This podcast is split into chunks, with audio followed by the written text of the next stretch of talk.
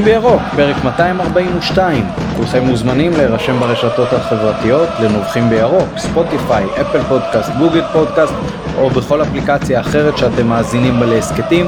תעשו subscribe ותהיו ראשונים לקבל את כל הפרקים שלנו. איתנו הערב אה, משתתפים אה, כמעט קבועים כבר, אה, מתן גילאור, מה העניינים מתן? כמעט קבוע. ואופק לא ספורט 5 מהטוויטר, מה שלומך אופק? אהלן אהלן, שלומי מצוין, לא קבוע ולא נעליים, נעליים של איתי. מי שכן קבוע זה יונתן אברהם שנותן לנו את התמיכה הטכנית מאחורי הקלעים. ואופק, קטעתי אותך, אז בוא ניתן לך את זכות הנביחה הראשונה, בבקשה. וואי, התכוונתי להגיד שאני לא קבוע, אבל אני שמח ממש להיות פה. גם אנחנו. אז הנביחה שלי לא קשורה באופן ישיר למשחק האחרון או למשחק הבא, אבל אה, כן קשורה לכל פתיחת העונה שלנו. אני חושב שכשאנחנו מסתכלים על הסגל, על הסגל הרחב, הירוק, אנחנו מזהים הרבה מאוד אה, פציעות, לאו דווקא פציעות אה, משביתות באופן מלא ומובהק וחד משמעי, כמו של אה, נטע לביא, או של אה, עופרי ארד, או במקרה האחרון דוניו או פלניץ', אלא גם אה, פציעות של לא כשיר ב-100% ולא יכול להשלים 90 דקות, ולא בטוח שישחק, כמו שהיה לדולב חזיזה, ולעלי מוחמד, ולחוסר רודריגז, ולאורי דהן, ולדעתי זה כרוך בשילוב המוזר והחד פעמי, ובמקרה הזה הבעייתי, שבין עונת הקורונה המאוד ארוכה והאינטנסיבית, שבה היו סגרים שהיה קשה לשמור על כושר, ושבועות רצופים של שלושה משחקים בשבוע, וסיום עונה שנדחה לתחילת חודש יוני, ובין היעדר הפסקה בקיץ ותחילת האימונים והמשחקים של המאני טיים ממש ממש ממש מוקדם.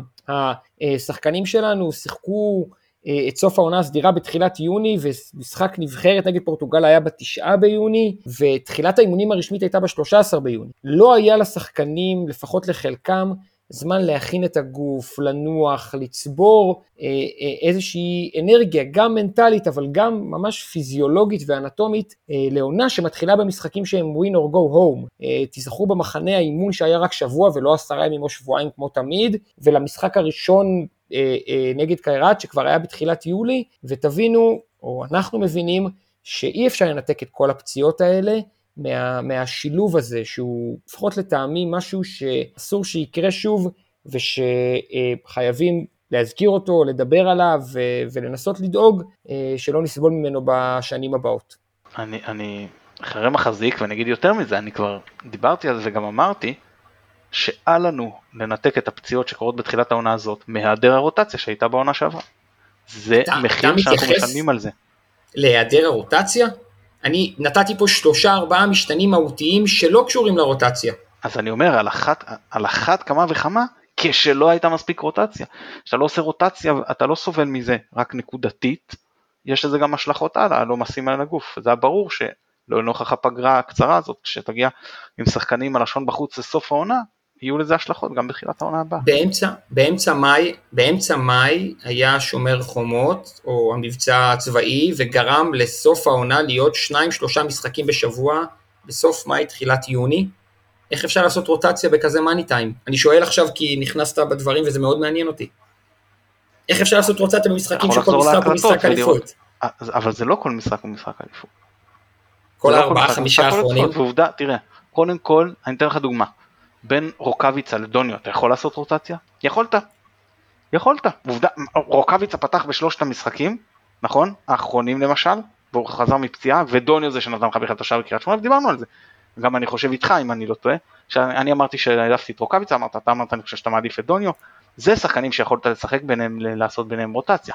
דוניו, עכשיו דווקא פתחת עם רוקאביצה, לא משנה שאנחנו יודעים שהוא עם המצב הפיזי אה, אה, היה ב...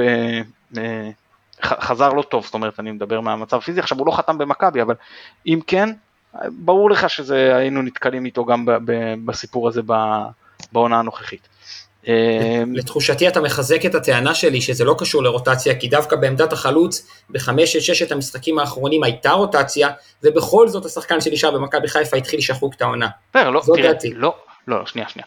לא כל פציעה היא פציעה של היעדר רוטציה, ולא, ולא, אתה מבין, אין פה קשר חד חד ערכי. יש סטטיסטית שהיעדר, אה, שעומס על הגוף מגביר סיכוי לפציעה. יש פציעות שהן עומס פר סה, ויש פציעות שלא עומס, אבל גם אם תיקח בן אדם, ניתן לך דוגמה, קרח באכילס, זה לא פציעת עומס, זה יכול לקרות מכל תנועה לא טובה, וזו עובדה שזה קורה לאנשים שסתם אה, משחקים אה, כדורסל בשכונה, אבל הסיכוי הסטטיסטי שזה יקרה כשהגוף עייף הוא הרבה יותר גבוה.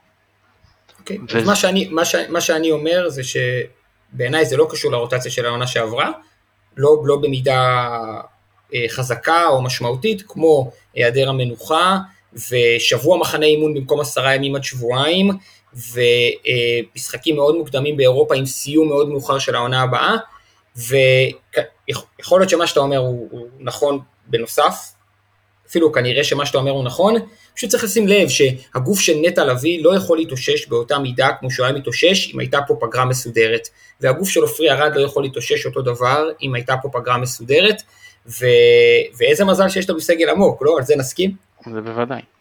סליחה. השנה, השנה אני מקווה ומאמין שנראה הרבה יותר רוטציה. זה ישפיע טוב, זה גם מדבר לקראת המשחק הבא, יש לי גם על זה מה להגיד בעניין הזה. כן, לגבי עופרי ארד ונטע לביא גם נדמה לי שהם אה, שניהם היו במסע של הנבחרת, זה בטח גם משפיע. נכון. נכון, זה חלק מהעניין, וזה גם הסיפור הזה של היעדר רוטציה, למרות שהיה לנו כפוי משחק אחד עם אה, לביא. אז ש... אני, אני, אני, אני מסיים, וסליחה שאני מתפרץ, וזו נביכה ממש ממש ארוכה. יש המון שחקנים שהתחילו את העונה או את המשחקים הרשמיים לא כשירים ב-100% אבל כן שיחקו. זאת אומרת, גם אפשר לחפש ידיעות וגם לראות על קר הדשא. פלניץ', עלי מוחמד, דולב חזיזה, כולם היו כשירים למחצה, חוסר רודריגז שנפצע במחנה אימון, זה הכל בסוף סביב הסיפור הזה של אה, לא מספיק מנוחה והכנה אה, אולי חפוזה מדי, ששוב נכפתה על המועדון.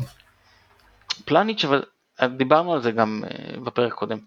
כאילו זה הגיע למצב, אתה אומר, הוא לא זה, אבל ראית שהוא סוחב רגל, אתה מוביל 2-1 אחרי שניצחת 2-1 בחוץ על טביליסי, אז תחליף, אז אל תסכן אותו, טוב, זה... אז אה, אתה רוצה מילה על אה, זה, על פוגדן פלניץ'? לא, לא משנה.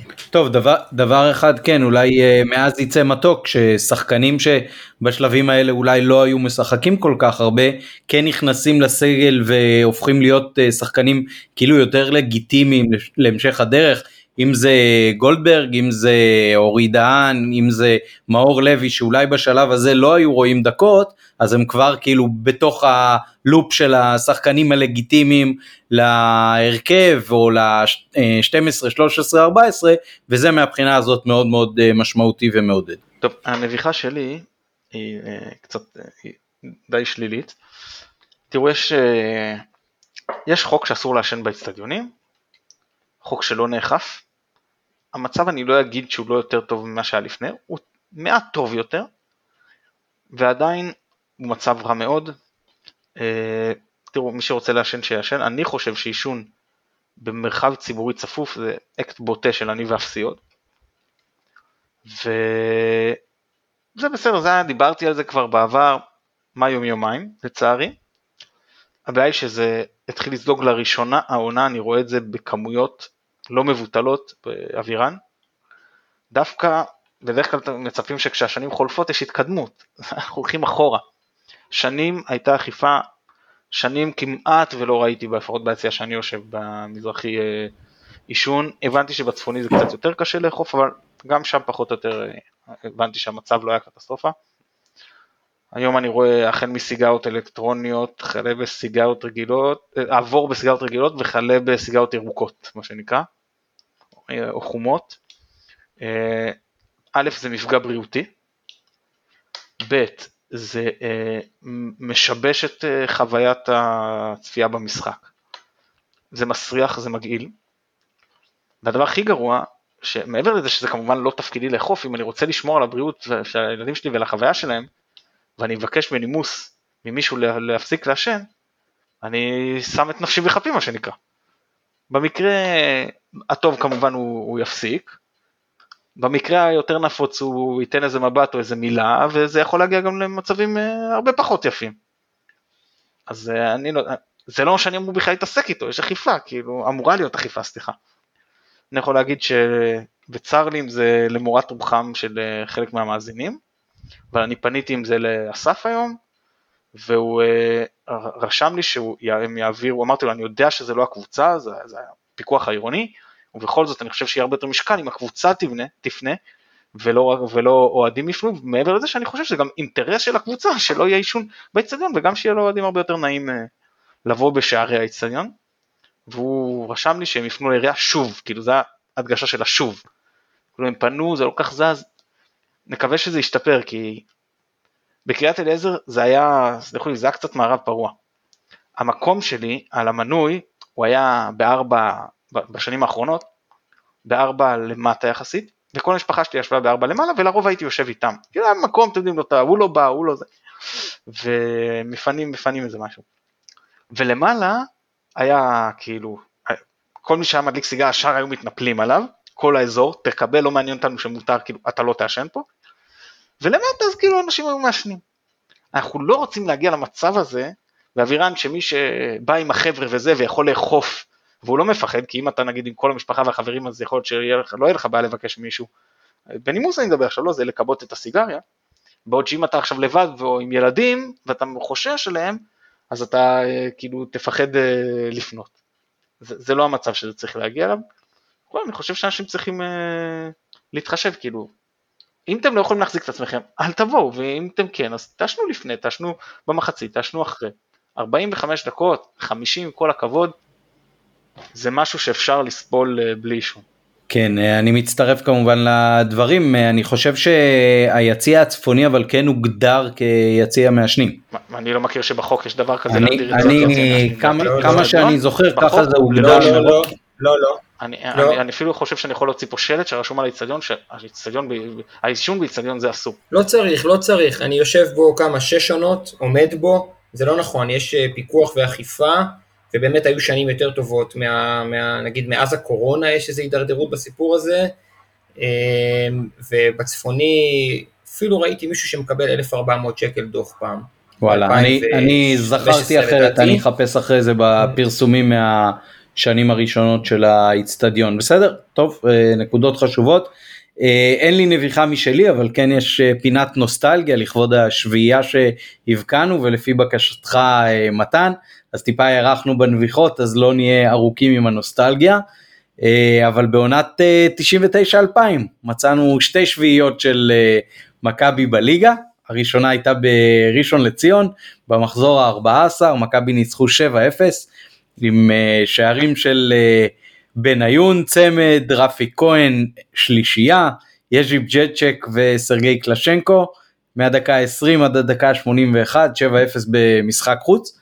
ואחר כך במחזור ה-27 אה, כמעט עברו עוד פעם 14 מחזורים, אה, הפעם זה היה בבית בקריית אליעזר, אה, ב-4 במרץ למי שרוצה לבדוק אותי.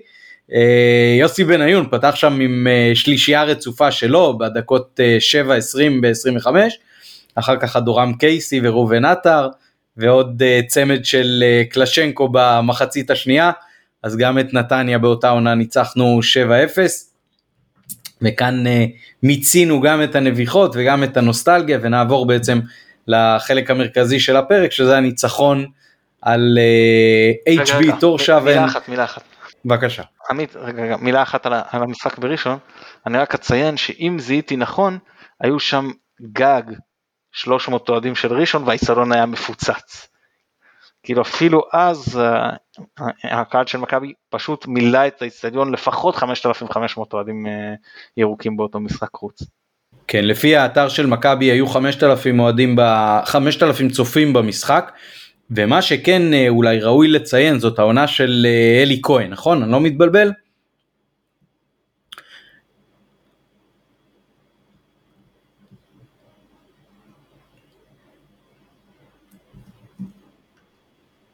לא, אתם שומעים אותי?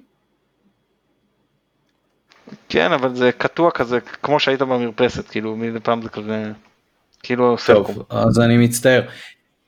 אה, אז אני אספור לעצמי 99-2000 אה, הייתה עונה של אה, אלי כהן וכשראיינו פה את אריק בנאדו אז הוא לגמרי הסכים איתנו שזאת הייתה אחת העונות הכי הכי טובות מבחינת קרנבל כדורגל שהיה היו הרבה ups and downs אבל כשמכבי באה ושיחקה אז היא הייתה מאוד קטלנית ומאוד מאוד סוחפת מבחינת היכולת ההתקפית שלה.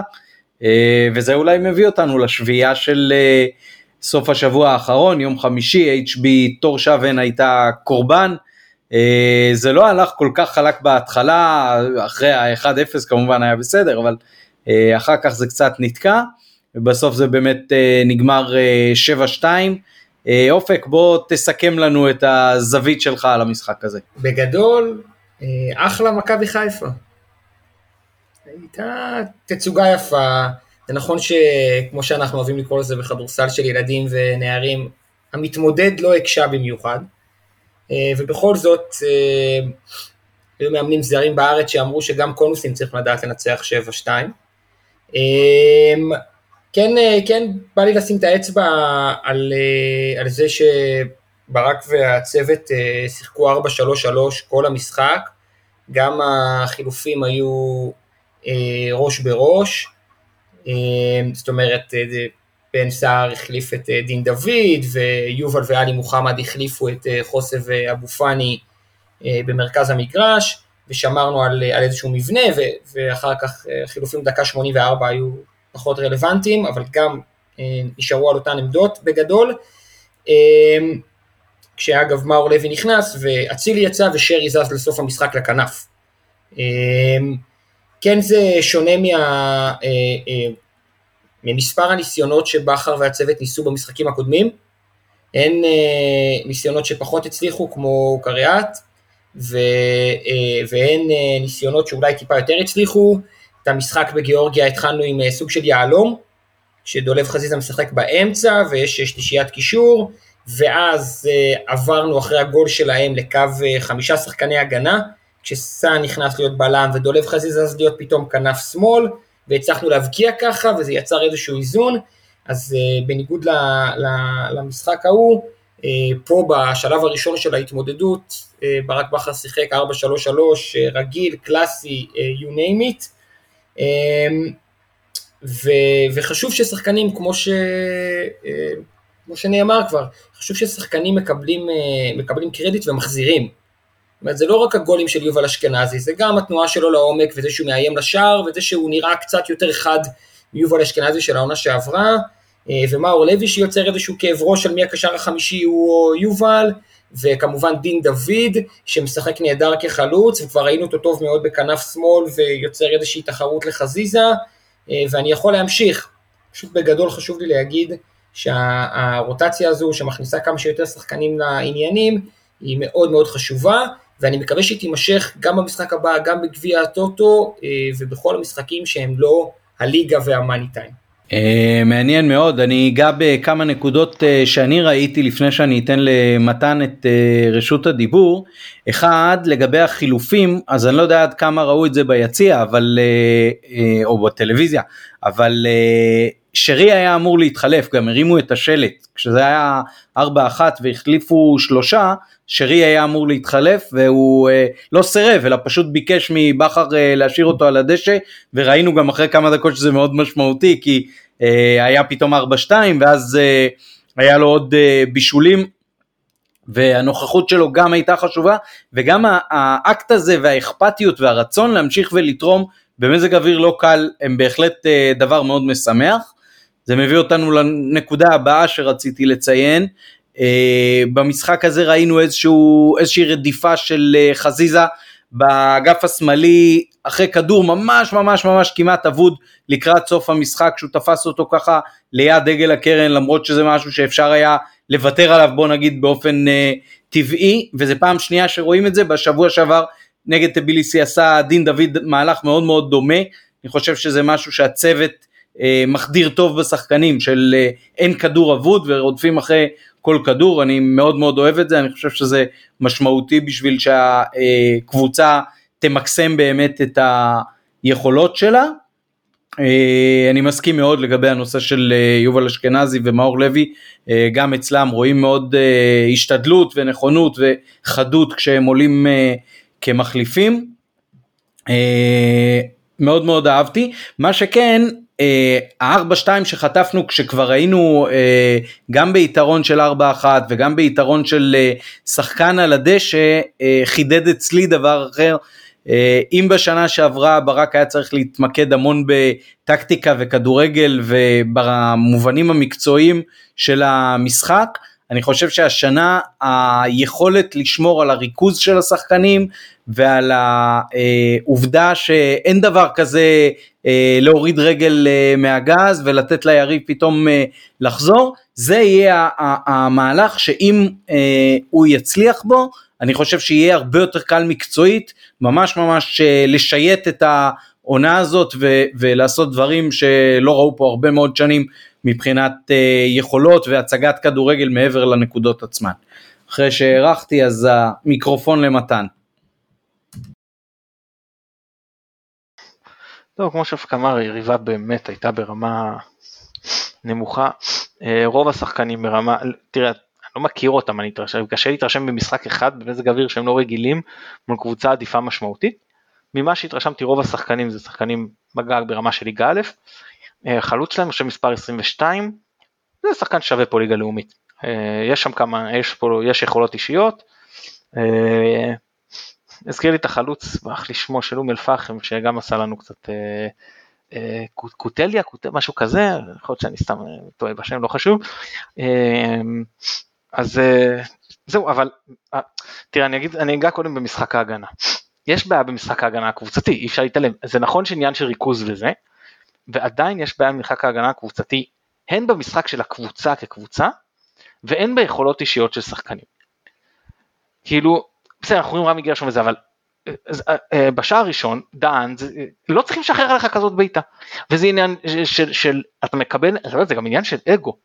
כשאתה מקבל שחקן, אתה אומר מקבוצה, מי פארו, עליך, בתוך הרחבה ככה, כאילו איך אתה מרגיש שהוא שם עליך כזה שער? אני כאילו הייתי מרגיש מאוד לא נעים בתור אה, בלם כזה, ש, ששחקן כזה שם עליי גולת.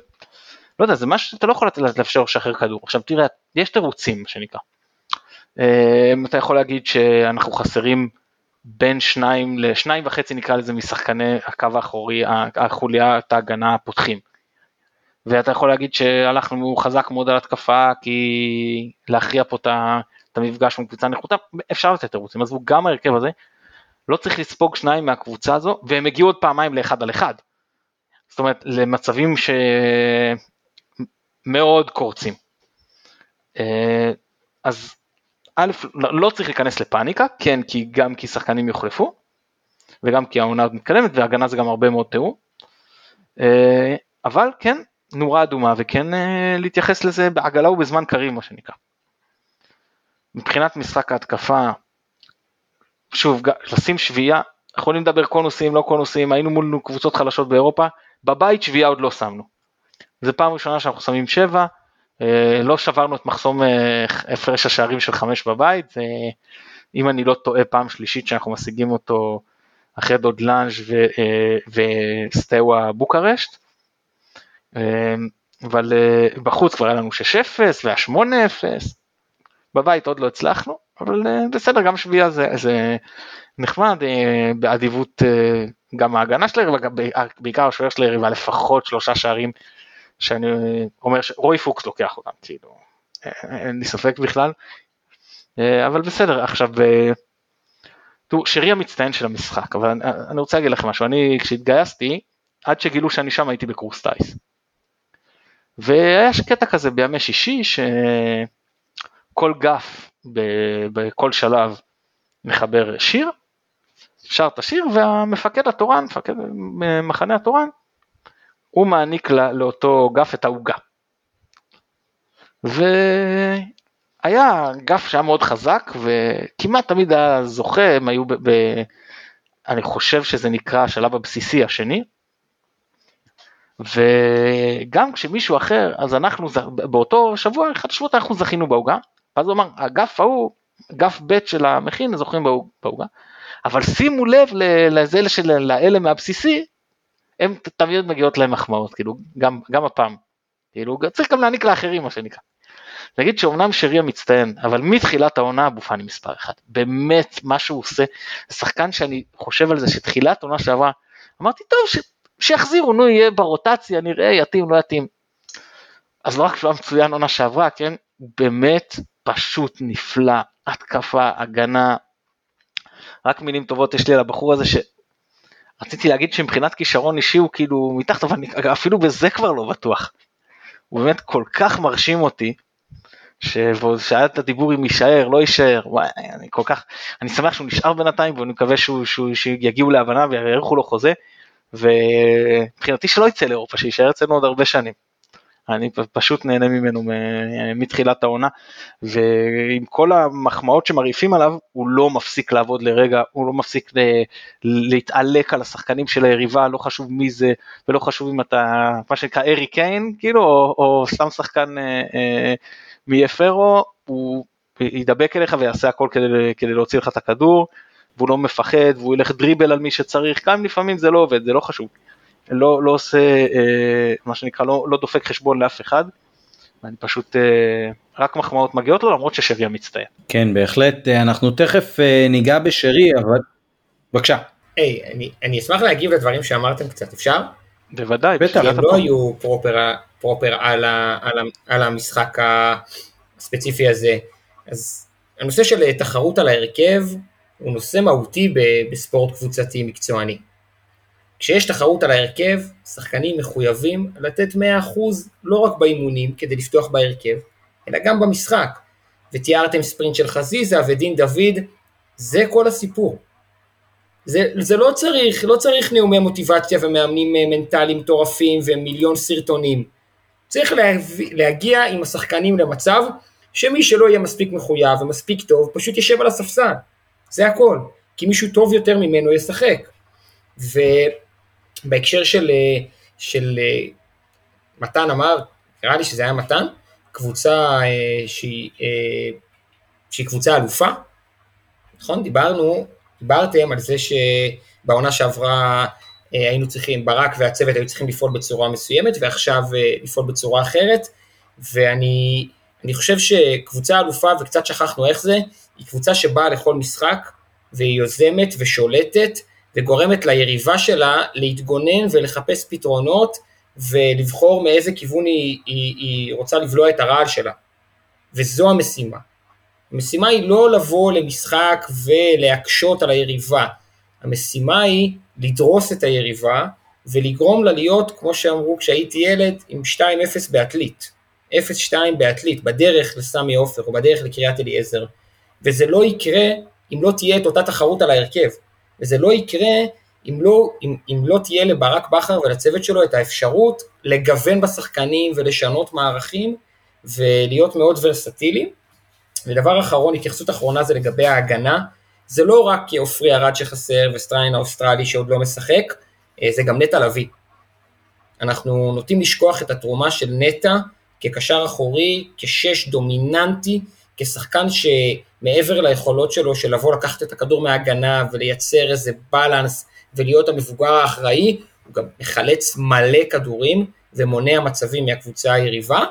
כשדיברתם על הגולים שקיבלנו במשחקים האחרונים, זה בעיקר טעויות של ריכוז. הגול של אורי דהן במשחק הזה הראשון זה ריכוז, והגול במשחק חוץ בגיאורגיה בין השחקני הגנה, זה גולים של ריכוז, והקרן של, ה, של קריית בבית, הקרן של קריית שגרמה לנו לנסוע למשחק השני בדאון, היא קרן של ריכוז של אורי דהן, ששחקן אגח מעליו הוא מטר תשעים ואחת, מטר תשעים ושתיים, זה טעויות של ריכוז, ויכול להיות שהרבה מהמצבים האלה היו נמנעים אם נטע היה על המגרש, ויכול להיות שאנחנו ניתקע עם טעויות של חוסר ריכוז כל השנה, זה גם יכול לקרות. אני טוב, אני עדיין חושב שגם גם הגנתית, אני חושב שנטע יכול לתרום כשמונה לפחות כמו שהוא תורם כשש, כמה שזה נשמע מוזר. אני חושב שהלחץ הגבוה שלו הוא קטלני ל, ליריבה יותר ממה שהוא אני חושב שרודריגז עדיף, עדיף את זה כשש, כן. אצל מרקו הוא שיחק שש. ש, שש אצל מרקו ופול שלוחץ גבוה, עם יובל ושרי, נדבר על זה אולי כשנדבר על שרי. ואז היה אוקיינוס באמצע. אה, כן. בסדר? כן. אוקיי, טוב, אולי זה, uh, לפני, ש... לפני שניגע בשרי אולי רק uh, כמה מילים מכל אחד מכם על uh, עד כמה הייתם עושים uh, רוטציה במשחק החוץ באיי פרו מתן? אה אנחנו כבר מדברים על הרכב למשחק החוץ אז אם ככה אז אני אגיד שמה שמנחה אותי זה הרצון א' מצד אחד לעשות רוטציה ככל שאני יכול צריך לקחת בחשבון לא משנה אם זה אזרבייג'אן או פינלנד, זו טיסה ארוכה, אחרי טיסה ארוכה ליפארו, וזה back to back בשבוע, כנראה טיסת לילה אחרי, אני מניח, אחרי אה, המשחק בפרו, אולי לא, לא, לא משנה, זה עדיין, אה, אה, יהיה גם עד שחוזרים, אלון, זה לא ישנים הכי טוב בלאו הכי, אה, ואז עוד טיסה שוב, אני מניח ביום שלישי, אה, ואז מגיעים וישר ואימון, בקיצור הולך להיות שם עומס, אז אה, זה לא שבוע שאתה אומר שבוע ממש הפסקה בין משחקים מנוחה, אני עושה רוטציה ככל שאני יכול, אבל, אבל, אני לוק- לוקח בחשבון ששלושה שבועות זה הרבה זמן בלי כדורגל בשלב הזה של העונה, אז אם למשל שחקן פלייאוף כמו פלניץ' כשיר, אני לא שומר אותו לפלייאוף, אני נותן לו לשחק. כי אני לא רוצה אותו שלושה שבועות בלי כדורגל, שוב, כשיר 100%, מספיק אין משחקים, אין משחקים אחרים בדרך, סליחה על הבורות, זה זה חשוב. יש חצי גמר גביע הטוטו, אה, אה, לא, חצי, חצי הגמר של לא גביע הטוטו, חצי הגמר של גביע הטוטו אמור להיות ביום, אה, כנראה, כנראה בין ראשון. בין שני משחקי הפלייאוף. זהו, זהו, זה מה שרציתי להגיד, בין, זה מה שרציתי להגיד, המשחק היחיד לפני תחילת העונה, ש, שזה בעצם כבר אחרי הפלייאוף, ב- שכל עוד אנחנו באירופה, שנשארנו אחרי אלוף האלופים זה חצי גמר ה- ה- הטוטו שהוא בין הפלייאופים, ושם אני עולה עם הרכב אומרת, שני לצורך העניין. זאת אומרת ששלושה שבועות קדימה אין משחק? לא, יש למה? כל יום חמישי. לא. יש לך עכשיו חמישי, כן, יש חמישי משחק חוץ, אני מאמין, מבחינת, עברנו, עזבו, יש לך איזה חמישי עוד משחק חוץ, אוקיי, הבנתי, סבבה, זה מה שהיה חסר לי, לא היה ברור לי. ומשחק בית. בסדר גמור. אוקיי, זאת אומרת, עכשיו זה אחד, עכשיו אני עוד נותן ל- על הרוטציה ודיברנו על זה, לא רק מנוחה, אני רוצה להביא כמה שיותר שחקנים בכושר כמה שיותר טוב בתחילת העונה, יש לי הזדמנות, בגלל התוצאה שהשגנו בבית, לשתף שחקנים, שאם מישהו נפצע, אם מישהו מורחק, אם מישהו בכושר לא טוב, לא יודע, תמיד יש לי פתרונות כי שחקנים שיחקו. ועוד דבר שאני רוצה להגיד לפני שאני רגע אומר את ההרכב, על פלניץ' עוד משהו, שלא רק שאני רוצה שהוא ישחק כי הוא לא שיחק את המשחק הקודם, שוב, בסייג שאם הוא כשיר לחלוטין, אה, אני חייב, חייבים עוד דקות ב live במשחק רשמי אפילו אם זה נגד אה, טורשבן, איתו ועם דן ביחד על המגרש, הם חייבים לשחק ברטוב מה שנקרא, אחד עם השני, כל עוד אה, ארד בחוץ. ולכן ההרכב שלי זה איתמר ישראלי, סטריין, זאת ההזדמנות לשלב אותו, אה, דן, פלניץ', גולדברג, אה, מוחמד, לוי, אשכנזי, דוד, סער, חזיזה. חזיזה אני מזכיר, בכל מקרה לא ישחק בחצי גמר גביע הטוטו ולא במחזור הראשון של העונה, ואני פחות מודאג מ- לגביו מבחינת העומס. זה ההרכב שלי. טוב, יפה, נתת לנו את זה מלא, איך אתה רואה את זה, אה, אופק, אתה גם חושב שצריך ללכת אה, רוטציה מלאה עד כמה שאפשר? אני מסכים עם uh, מתן ששאלת פלניץ' היא, היא שאלה משמעותית, כי התרגול, במרכאות שוב, הישר על רטוב מה שנקרא, שלו ושל דהן uh, הוא קריטי. Uh, עם זאת, בהנחה והוא לא כשיר 100% אין מה לדבר בכלל. רק הסיכוי ששחקן יהיה פרו ייתן לו גליץ' לרגל, או שבאיזה ספרינט מיותר אה, תימתח לו רצועה, לא שווה את זה. אה, לגבי מרכז המגרש אני נותן ליובל מקום בהרכב, אה, עוד שנייה אני אעבור להרכב המלא, ובכל זאת אני נותן ליובל מקום בהרכב, אה, כי מאור לוי קיבל מקום בהרכב באחד המשחקים הקודמים, ויובל עלה מחליף פעמיים, וחשוב לי כן אה, לתת לו את, התרגול הזה, ובהתקפה אה, אני מאפשר לבן סער לשחק אה, כחלוץ, ושם את אה, דין דוד אה, בכנף. אז ההרכב המלא, לפחות לפי איך שאני רואה אותו, זה ג'וש כהן בשער ולא ישראלי, כי אני חושב שבכל זאת הגנה בלי פלניץ' ועוד שנייה אני אגיע להמשך אה, של ההרכב שלי, חייבת איזשהו, איזושהי תעודת ביטחון, אז ג'וש כהן בשער וסטריין האוסטרלי מגן ימני, דן בלם ימני, גרשון בלם שמאלי בהנחה ופלניץ' לא כשיר 100%, ושון גולדברג מגן שמאלי, כי שון גולדברג סוחב אה, איזושהי אולי טראומה קטנה מהפעם הקודמת שהוא עלה בהרכב, וחשוב לי כן לשחק אה, איתו כמגן שמאלי טבעי ולא בקו 5 אלא בקו 4. אה, רודריגז ייתן אה, בלנס בעמדת ה-6, יובל אשכנזי ישחק אה, לידו את השמונה, ואז בעמדת ה, אה, מה שנקרא 10 או הקשר המצטרף או אבו פאני או שרי, אחד מהם שהשני יכול להחליף את הראשון. אה, דין דוד בכנף שמאל, בן סער בשפיץ ועומר אצילי בכנף ימין, בהנחה ששרי לא משחק, היצירתיות והיכולת לאיים על השער של עומר אצילי מאוד מאוד מאוד חשובה. מגוון רחב של מחליפים ואפשרויות לשנות שיטות תוך כדי תנועה. אופק, אופק, שנייה. עלי מוחמד לא שיחק את שני המשחקים נגד טביליסי וגם עכשיו פתח מחליף ובקושי שיחק? לא חשוב לך, אתה לא רוצה אותו 90 דקות? לא יודע אם 90 אבל שיפתח הפעם? שאלה מצוינת, אני חושב שהוא יכול לשחק בשש במקום רודריגז, על אף שלהבנתי ולהיכרותי עם עלי מוחמד בנתניה ובביתר הוא פחות אוהב לשחק שש אחרון, אה, הוא יכול לשחק שש במקום רודריגז, אני לא נותן לו לשחק לפני יובל, אה, ואו, לא, לא, אתה יודע אני מה? אני אישית אמרתי מוחמד אשכנזי ולוי זה הקישור שלי. אבל... אז אפשר, אז אפשר, אז אני יכול לשחק, אני מציע את רודריגז 6, ולפניו את אה, עלי מוחמד ואת יובל אשכנזי. בעצם שני המחליפים שנכנסו ביחד במשחק האחרון. אה, יש לי איזה משהו, איזה אישיו אישי כנראה עם מאור לוי, לא בטוח שזה עד הסוף ממקום אובייקטיבי. משהו לא, לא, לא, אני לא מתלהב כמו שכולם מתלהבים ממנו. משהו באינטנסיביות שלו, בקצב שלו, אה, בזה שהוא לא שמונה, לא עשר, לא מוסר מספיק טוב, לא מאיים מרחוק, לא מצטרף נהדר מהעומק, משהו עדיין לא בשל אצלו מקצועית, אה, ואני מעדיף לתת ליובל את הצ'אנס שמאור כבר, אה, מאור לוי כבר קיבל. אנחנו גם לא מסכימים, אנחנו גם לא מסכימים לגבי השלישייה הקדמית וזה נחמד בעיניי. אני, אני אמרתי שלגבי מאור לוי שאני חושב שהוא צריך לצאת להשאלה. יש לנו אשכנזי מבחינתי צריך להיות לפניו ברוטציה, ויש לנו חמישה, חמישה קשרים מספיק טובים שיכולים להחזיק אה, עונה של אמצע, אני גם חשבתי שגם חבל בשבילו, גם שם בגיל הזה, שהוא פשוט לא, לא יקבל מספיק דקות, ולהיות קשר שישי, וזה לא אשכנזי שהוא יכול להיות כמה חודשים בחוץ וזה פחות תורגש, בגיל הזה אתה חייב לשחק, חייב דקות, ולדעתי הוא צריך לצאת להשאלה. נכון, רק לגבי כנף שמאל, שאני שמתי את דין דוד ואתה את חזיזה לדעתי. לא, אני שמתי את דוד בשמאל וחזיזה בימין. אה, אוקיי. אז, לגבי, אז בסדר, אז זה אגף ימין ששמת את חזיזה.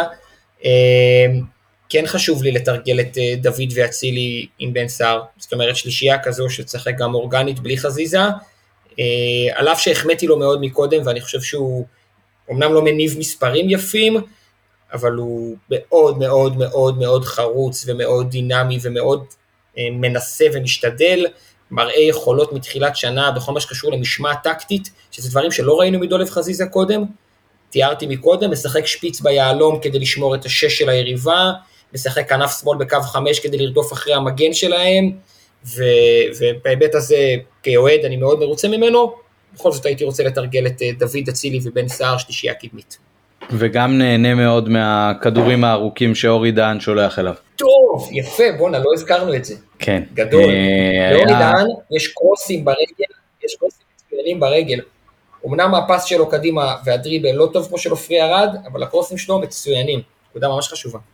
בעניין של הכדורים הארוכים של אה, אורי דהן, אז אה, מולי ולטמן העלה בטוויטר סרטון של עשרה כדורים שהוא שלח קדימה, רובם הגדול מאוד מדויקים, גם לאצילי, גם נדמה לי חלק לרז מאיר אולי אפילו מקדימה, וחלק לאגף השני לחזיזה, וזה כדורים שעושים הרבה צרות ליריבה ועוזרים מול קבוצה שמנסה ללחוץ אותנו יותר גבוה, אז בהחלט אפשר לשים לב לנקודה הזאת.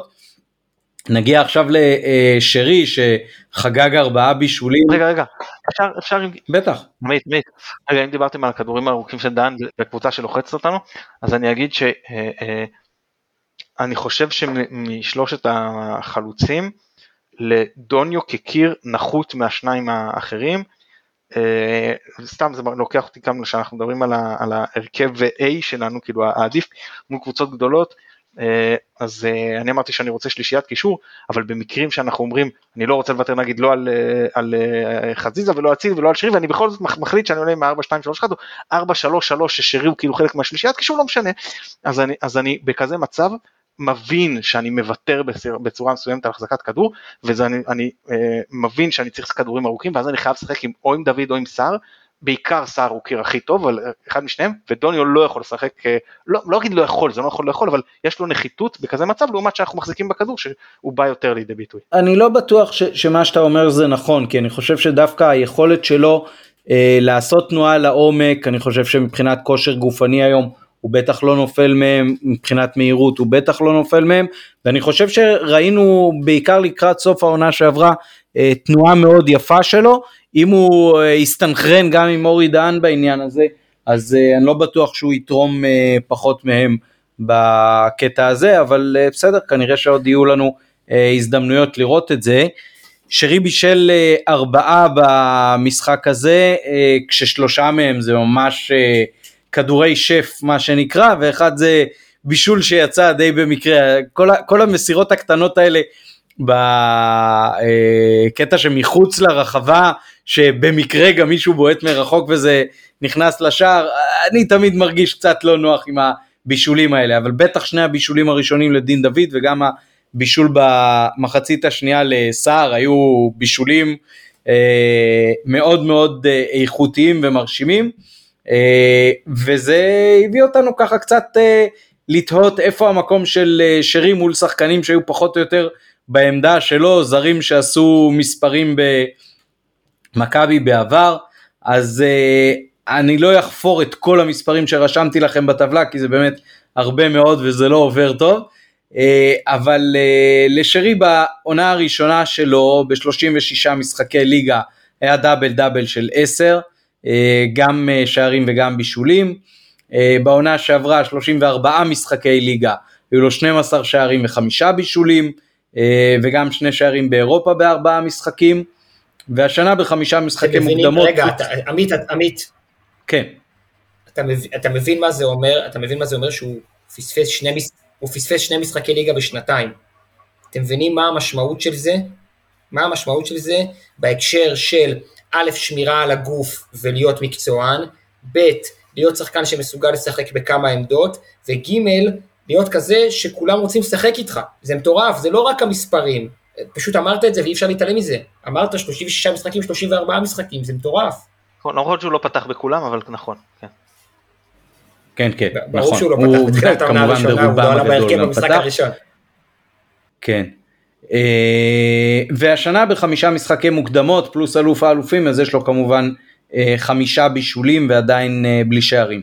אז מי שבעצם העמדנו מולו זה ג'ובאני רוסו, ננו פרליה, יז'יב ז'צ'ק, רובן ראיוס, לודוביק אוברניאק ובהתעקשות של מתן אז גם סרגי קנדאורוב.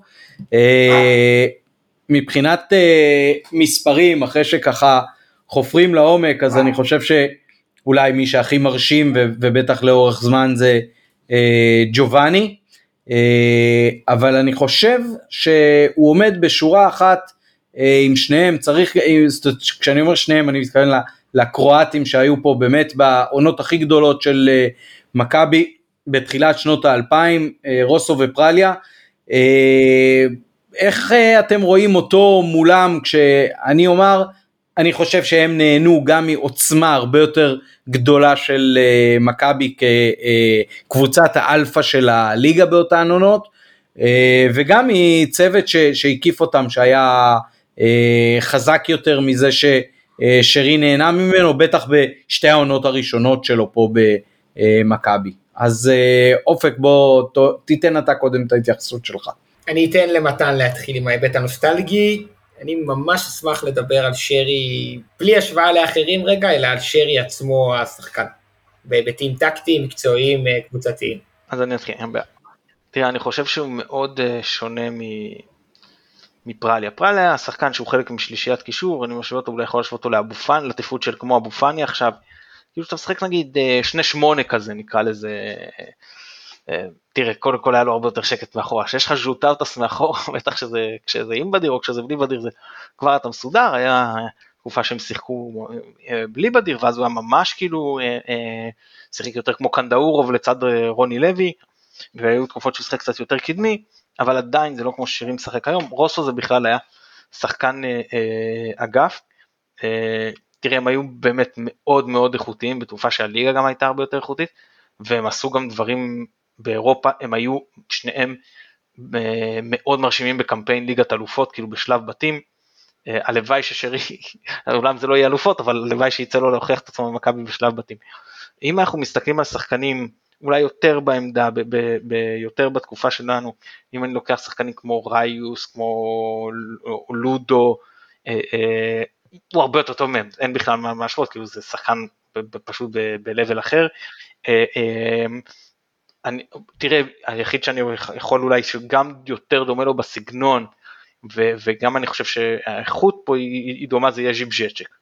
שהם, שהוא באמת היה, גם לא בדיוק, כי משרי אתה מקבל יותר מספרים ובז'ז'ק היה יותר אדריכל שבונה התקפות, אבל אה, הוא היה 10 והוא היה אה, אה, אה, באמת שחקן גם ב, ב, מאוד מאוד אה, איכותי, אז אה, זהו, כאילו באמת שרי הוא ב, ב, ב-level הגבוה, אני עוד אגיד, אה, אבל הבדל אחד שאני אה, טיפה אזקוף לחובתו, היציבות, אם הזכרת את פרליה ורוסו, היציבות שלהם לאורך העונה ולאורך המשחקים הייתה יותר טובה משלו.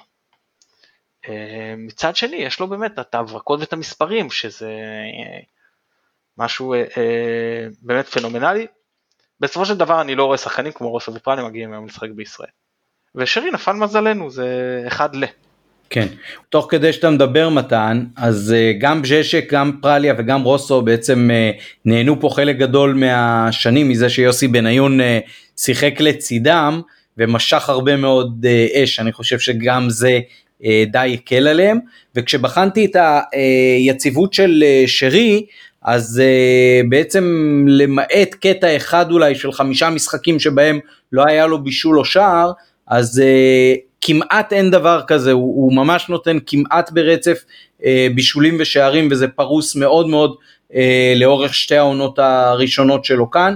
Uh, אני חושב שהקטע של היציבות זה יותר uh, משהו תדמיתי שמישהו אמר והתקבע, אני לא בטוח שמספרית זה מאוד מאוד נכון. עכשיו uh, זה שלך אופק.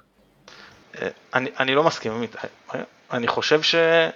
אני אומר מה שאני מסתכל על מה שאחרים אומרים.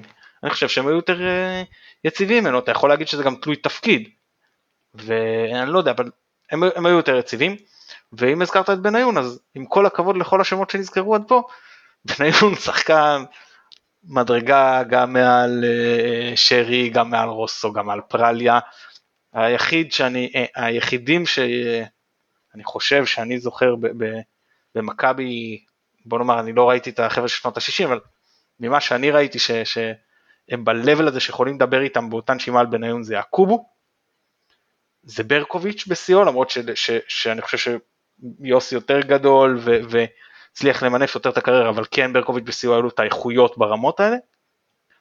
ו... אה, רגע נחזור ללאומית, אה, וויקטור צ'אנוב בהתחלה שזה היה משהו פסיכי אבל גם זה היה לתקופה קצרה עד שהוא אה, נחלש קצת עם השנים הוא כבר היה מבוגר. אלה היחידים שאני חושב ש, שכאילו אני שם אותם ב, ב, בשורה אחת עם בניון. כל השאר, שנקרא כבודם במקומם מונח, אבל הוא הוביל קבוצה בליגה האנגלית, הוביל קבוצה בליגה הספרדית, היה חלק מקבוצה שהיא אחת הטובות בעולם, וחלק לא מבוטל, לא איזה, אתה יודע, אני, אני לא רוצה לזלזל באבי כהן, הוא באמת אולי גדול בלמי ישראל, אבל הוא שיחק שם על פני שתיים וחצי עונות 25 משחקים. זה לא, בניון אם אני לא טועה יש לו בכל המסגרות יותר מ-100 משחקים בליברפול. אה, אנחנו מדברים על בישול בחצי גמר ליגת אלופות, אנחנו מדברים על שער ניצחון בשמינית גמר ליגת אלופות, הרשימה היא שלושה בליגת אלופות, שלושה בליגה ושלושה בגביע, באמת הרשימה היא, היא בלתי נגמרת של הסופרלטיבים שאפשר לתת לשחקן הזה, עם כל הכאב לב שהוא עשה לנו, אז אתה מדבר איתו כמושך אש, זה, זה לא מתחיל לתאר מה, מה שהוא עשה פה כבר הרבה הרבה לפני שיאו. יש, אני לא יודע אם אתה זוכר, שהוא שם את השער ההוא בבלומפילד, מה רמי וייץ אומר? רמי וייץ אומר, הוא עשה את זה נגד בני יהודה, הוא עשה את זה נגד צפריר חולון, משהו כזה. כאילו, אתם יודעים, חושבים עכשיו על זהבי, לא מבינים, אני חושב, איזה קלאץ' היה בניון, עוד, עוד כשהוא היה נער שלא יודע, התגלח עדיין. כבר אז הוא היה קלאץ' פה ברמות הכי גבוהות. כאילו, אני לא חושב, אני חושב שלבחון אותו, לדעתי האישית, מול, מול כל שחקן ישראלי אחר לפחות שלי יצא לראות עם כל הכבוד שוב לאוחנה וברקוביץ' מי שאתם רוצים לציין זה זה זה לא שם זה פשוט הגיע כל כך יותר גבוה הוא פשוט שלט פה בליגה בגיל 20 זה משהו מדהים. אני אעשה את מה שיוסי בניון גרם לי לעשות ואמחק את כל מה שאמרת בשלוש הדקות האחרונות ואתייחס כמו זה לא קרה. נעשה פרק בהזדמנות על יוסי בניון אבל היות שאני צעיר מכם בכמה וכמה שנים הוא אליל הילדות שלי כן? מבחינה מקצועית ומבחינת החלומות על כדורגל, זהו, ופה אני עוצר, בסדר? בהקשר של יוסי בניון. אמ, אז אתה בעצם מחזק קצת את מה שאנחנו אמרנו על שרי, כי שרי, שרי הגיע לקבוצה משמעותית פחות טובה, בטח פחות דורסת. שרי הגיע לקבוצה, הוא הגיע בסוף חלון העברות, הוא כבר הוא גם לא היה במשחקים באירופה. קבוצה שאומנם סיימה מקום שני שנה קודם, אבל 30 פער וגנבה את המקום השני לקראת הסוף ולא הייתה תחרות. הוא הגיע לקבוצה ששחקני ההרכב שלה הם, הם, הם, הם חדשים, זאת אומרת, הם... הם אה, אשכנזי ו, וחזיזה ו, ויאניק נגיד כשנכנס לרוטציה בשמאל ו, ו, ושרי בעיניי הוא מסמל את המהפך של מכבי חיפה, הוא מסמל את המהפך של מכבי חיפה. באחד ה, באחת מקבוצות הוואטסאפ של, של, של החברים שלי ל, ליציע ושלי, אני חושב שהוא ההחתמה הכי טובה בעשור האחרון ללא עוררין, זאת אומרת אני לא רואה החתמה אחרת שהייתה משמעותית בעשר שנים האחרונות כמו צ'רון שרי. ומבחינה מקצועית פרופר, אז עמית כמובן ציין את המספרים, ו... ואי אפשר בעיניי לנתק את, את צ'רון שרי אמ, ממה שהוא מקרין. אוקיי, אז יש פעמים בודדות שהוא מתעצבן, באמת בודדות, אבל תסתכלו עליו על המגרש, הוא מענץ', הוא שחקן שכולם אוהבים, שחקן שזה לא משנה אם הוא ברוטציה של השלישייה באמצע או של השלישייה הקדמית, אם הוא מבצע פעולה טובה, בישול או גול חוגגים איתו. שחקן ש, ש, שירוץ בעונה של מרקו, חוץ מיובל, הוא רץ הכי הרבה בקבוצה, בסדר? זה, זה, זה, זה פשוט, זה דברים שאולי הם לא ב-12-5 ו-10-10, מספרים שהוא נתן בשנתיים האחרונות, אבל הם הרבה הרבה הרבה הרבה יותר גורמים לך לאהוב אותו. ובעונה הזאת ספציפית, לפחות עם איך שמכבי חיפה התחילה, גם התפקוד שלו קצת השתנה. דיברנו על זה באחד הפרקים שהייתי, איך מרקו ופול השתמשו בו, לעומת איך ברק והצוות שלו משתמש בו, והיום שרי כבר משחק במשחק הלחץ שלנו כמו חלוץ שני, זאת אומרת הוא לוחץ, לוחץ את הבלם של היריבה ליד החלוץ, בסדר? וזה הופך אותו להיות השחקן הכי משמעותי בחלק הקדמי כשחטפנו כדור. כשחטפנו כדור הוא ממוקם יחסית גבוה במגרש, מבקש את הכדור ומייצר את המהלך הבא. בנוסף, אני חושב שהגדולה, הגדולה של צ'ארון שרי מתבטאת באיך הוא קיבל את עומר אצילי לקבוצה. היו שם, היו שם קצת חבלי לידה, אתם זוכרים? בהתחלה, כן רוטציה, לא רוטציה, זה היה אחרי חצי עונה ששרי היה נפלא בשלישייה קדמית של ניקיטה בשפיץ, דולב בשמאל והוא עצמו בימין, לקח לזה קצת זמן להתגבש, והיכולת שלו לתת לאצילי להתבטא ועדיין להיות מאוד דומיננטי בעצמו, והיכולת שלו לפרגן, עוזב לו את כל הקרנות והנייחים, שרי הוא קפטן לפני אצילי, אני מזכיר לכם, שרי הוא שחקן שאם הוא אומר אני לוקח את הנייח, הוא לוקח את הנייח. אבל לא, הוא ויתר לניקיטה על הפנדלים ולאצילי על הקרנות ועל הנייחים, וכל הזמן יש לך איזושהי תחושה, כאוהד, לא כאיש מקצוע, יש לך איזו תחושה שהוא עושה את כל השחקנים סביבו טובים יותר. בעיניי, זה הסיפור של שרי. אני רוצה להגיד לך משהו על זה. אה, טוב, לא לקליטה, הוא ויתר להצילי גם על פנדל, לא חשוב, זה לא, זה לא.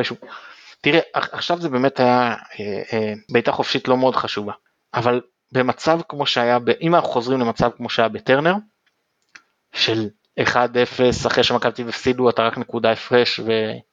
והוא באמת לקח את הבעיטה החופשית, אני מצפה ממנו בכזה מצב, מבחינתי לקחת את אצילי, לדחוף אותו מהכדור ולקחת את הכדור בעצמו. כי עם כל הכבוד, תראה, אני מחלק את המצבים הנייחים לשניים, הרמות ובעיטות, בסדר? בהרמות, אצילי פשוט עושה את זה יותר טוב, הוא מגביה פנטסטי ברמה מאוד מאוד גבוהה, יותר טובה משרי, טוב שהוא לא מוותר לו על, על הקרנות, טוב שהוא יודע לשים את האגו בצד וגם על הרמות ממצבים נייחים, זה פשוט לטובת מכבי, אבל הוא בועט לשער יותר טוב, ואני מצפה ממנו, בסדר אם זה שוב נגד יהיה פאו ואצילי רוצה ופה ושם, לא אכפת לי, אבל כשה, כשנקרא בזמן כסף במשחקים החשובים, אני מצפה ממנו מה שנקרא זוזו כולם, זה שלי, עכשיו אני בועט את זה. נקודה שלי בהקשר הזה, שוב, יש בה איזה מין התמצות או מין המיקרו-קוסמוס על הסיפור של שרי, והיא, אני מסכים עם מה שאמרת, ומשוכנע ששרי יקבל את ההחלטה הנכונה באותו רגע. כן, הוא בהחלט אה, שחקן שמאוד מרשים גם בקטע הזה. אה, כשהוא בא לארץ אז הבנו שהקטע המשפחתי היה מאוד מאוד משמעותי אה, בזה שהוא עזב את סין ואחר כך עזב את אה, טורקיה. אה, אמרת מענץ' אז אני יכול להגיד שפגשתי אותו בחוף הים עם המשפחה שלו והוא באמת היה סופר סופר אה, נחמד. ועוד נקודה אחת אה, בהקשר של שרי, שומעים אותי?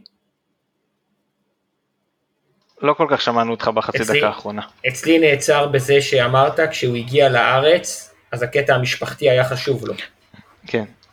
אוקיי, אז, אז הקטע המשפחתי היה באמת מאוד חשוב לו, גם כשהוא uh, עזב את סין בעצם, גם כשהוא עזב את טורקיה, למשפחה היה חלק מאוד uh, משמעותי בקבלת ההחלטות שלו.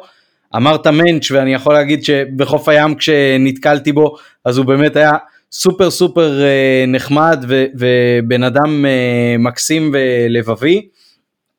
ובהקשר המקצועי ביחס אליו, זה מישהו שרואה את המגרש אה, 360 הרבה מעבר למה ששחקן ממוצע רואה וגם מבחינת הביטחון שהוא נותן לשחקנים סביבו אני חושב שחלק מאוד משמעותי בשוויון 2-2 שהיה בבלומפילד בסוף העונה שעברה כשחזרנו מפיגור היה כשהוא ואצילי התחילו אה, לשחק עם הכדור קצת במהלכי קט רגל כאלה ביניהם והוא ממש ממש אה, שיחק אה, עם הכדור והרגל עוד כשהיינו בפיגור בקטע של חבר'ה הכל בסדר אני פה אנחנו משחקים אנחנו יודעים כדורגל לא פחות טוב מכם ואני חושב שזה משהו שמאוד מאוד אה, זרם והשפיע באותו משחק ובעצם מקרין על הקבוצה כמו שאמרת מאז שהביאו אותו אז, אז הוא סוג של מבוגר אחראי שגם יודע לעשות קסמים וגם מבחינת האופי נמצא שם אה, כשנטע לביא חסר והוא הקפטן אז זה מאוד משמעותי. אה, בכל הראיונות בסוף העונת אליפות, גם סאן מנחם, גם נטע לביא, גם וייזינגר, כל מי שהתראיין, אה, ראיונות ששמעתי בעיקר באנליסטים ברדיו מכבי, כל אחד מהם ציין אותו כגורם סופר סופר משמעותי ודומיננטי, אולי כגורם המקצועי מספר אחד על הדשא אה, שהביא לנו את האליפות הזאת. אז מה שרציתי להגיד על שרי, שהיו לנו, לנו עונות שהיו שחקנים שהבינו את, ה, את המשחק רמה מעל השאר. ראית את זה בעונות מסוימות של, של קטן, אולי ראיוס, והם היו מאוד מאוד מתוסכלים עם זה, והרגשת שזה פוגע להם גם במוטיבציה ובחדווה, וב... זה פגע בהם אה, מקצועית וגם בשאר קבוצה במידה מסוימת, כי הם לא יכלו להביא את היכולת שלהם לגמרי לידי ביטוי. שרי מבין את המשחק יותר טוב מרוב הקבוצה, היחיד שקצת הבין את המשחק באותה רמה זה היה רוקאביצה, אבל כמובן שאין מה להשוות ב- ב- ביכולות, רוקאביצה מבין את זה והוא יכול להשפיע פחות, יש לו את ההשפעה שלו ודיברתי על זה בעבר, אבל אה, יש הבדל בין חלוץ חוד שמבין את המשחק לבין שחקן בליבת המגרש שמבין את המשחק ברמה הזאת, אה, ואתה לא מרגיש שזה מתסכל אותו, שרק הוא מבין ככה את המשחק, להפך הוא אומר הוא מבין את הפוזיציה שלו, את החשיבות שלו, וש, והוא לוקח את האחריות הזאת ב- בשתי ידיים, לא בורח ולא מתחבא, וזה מאוד אה, חיובי, והוא כבר לימד את ג'וש לפחות למסור לו מהר, שלפחות גם יבין אותו, כי באמת הוא קורא את, הס- אין לו את המהירות, אבל הוא קורא את הסיטואציות האלה כל כך טוב, שהוא יכול להיות פקטור גם בהתקפות uh, מתפרצות, למרות שזה פחות תפור לכאורה על, אה, על סט הכלים שלו. אתה ראית פעם את uh, ראיוס רק ככה רץ למתפרצת? לא, אבל עכשיו ראיוס הבין את המשחק טוב, הוא הבין אותו, גם, הוא מבין אותו לא פחות טוב משרי, הוא גם קורא מגרש מצוין והוא גם מבין מאוד טוב את הסיטואציה, אבל uh, כל אחד, הגישה למשחק זה באמת, זה כזה, זה כל כך שונה. וכמובן שהייתי שמח אם יהיו עוד שחקנים ש- ש- ש- שמבינים ככה את המשחק, אבל אה, ב- בליגה הם בודדים.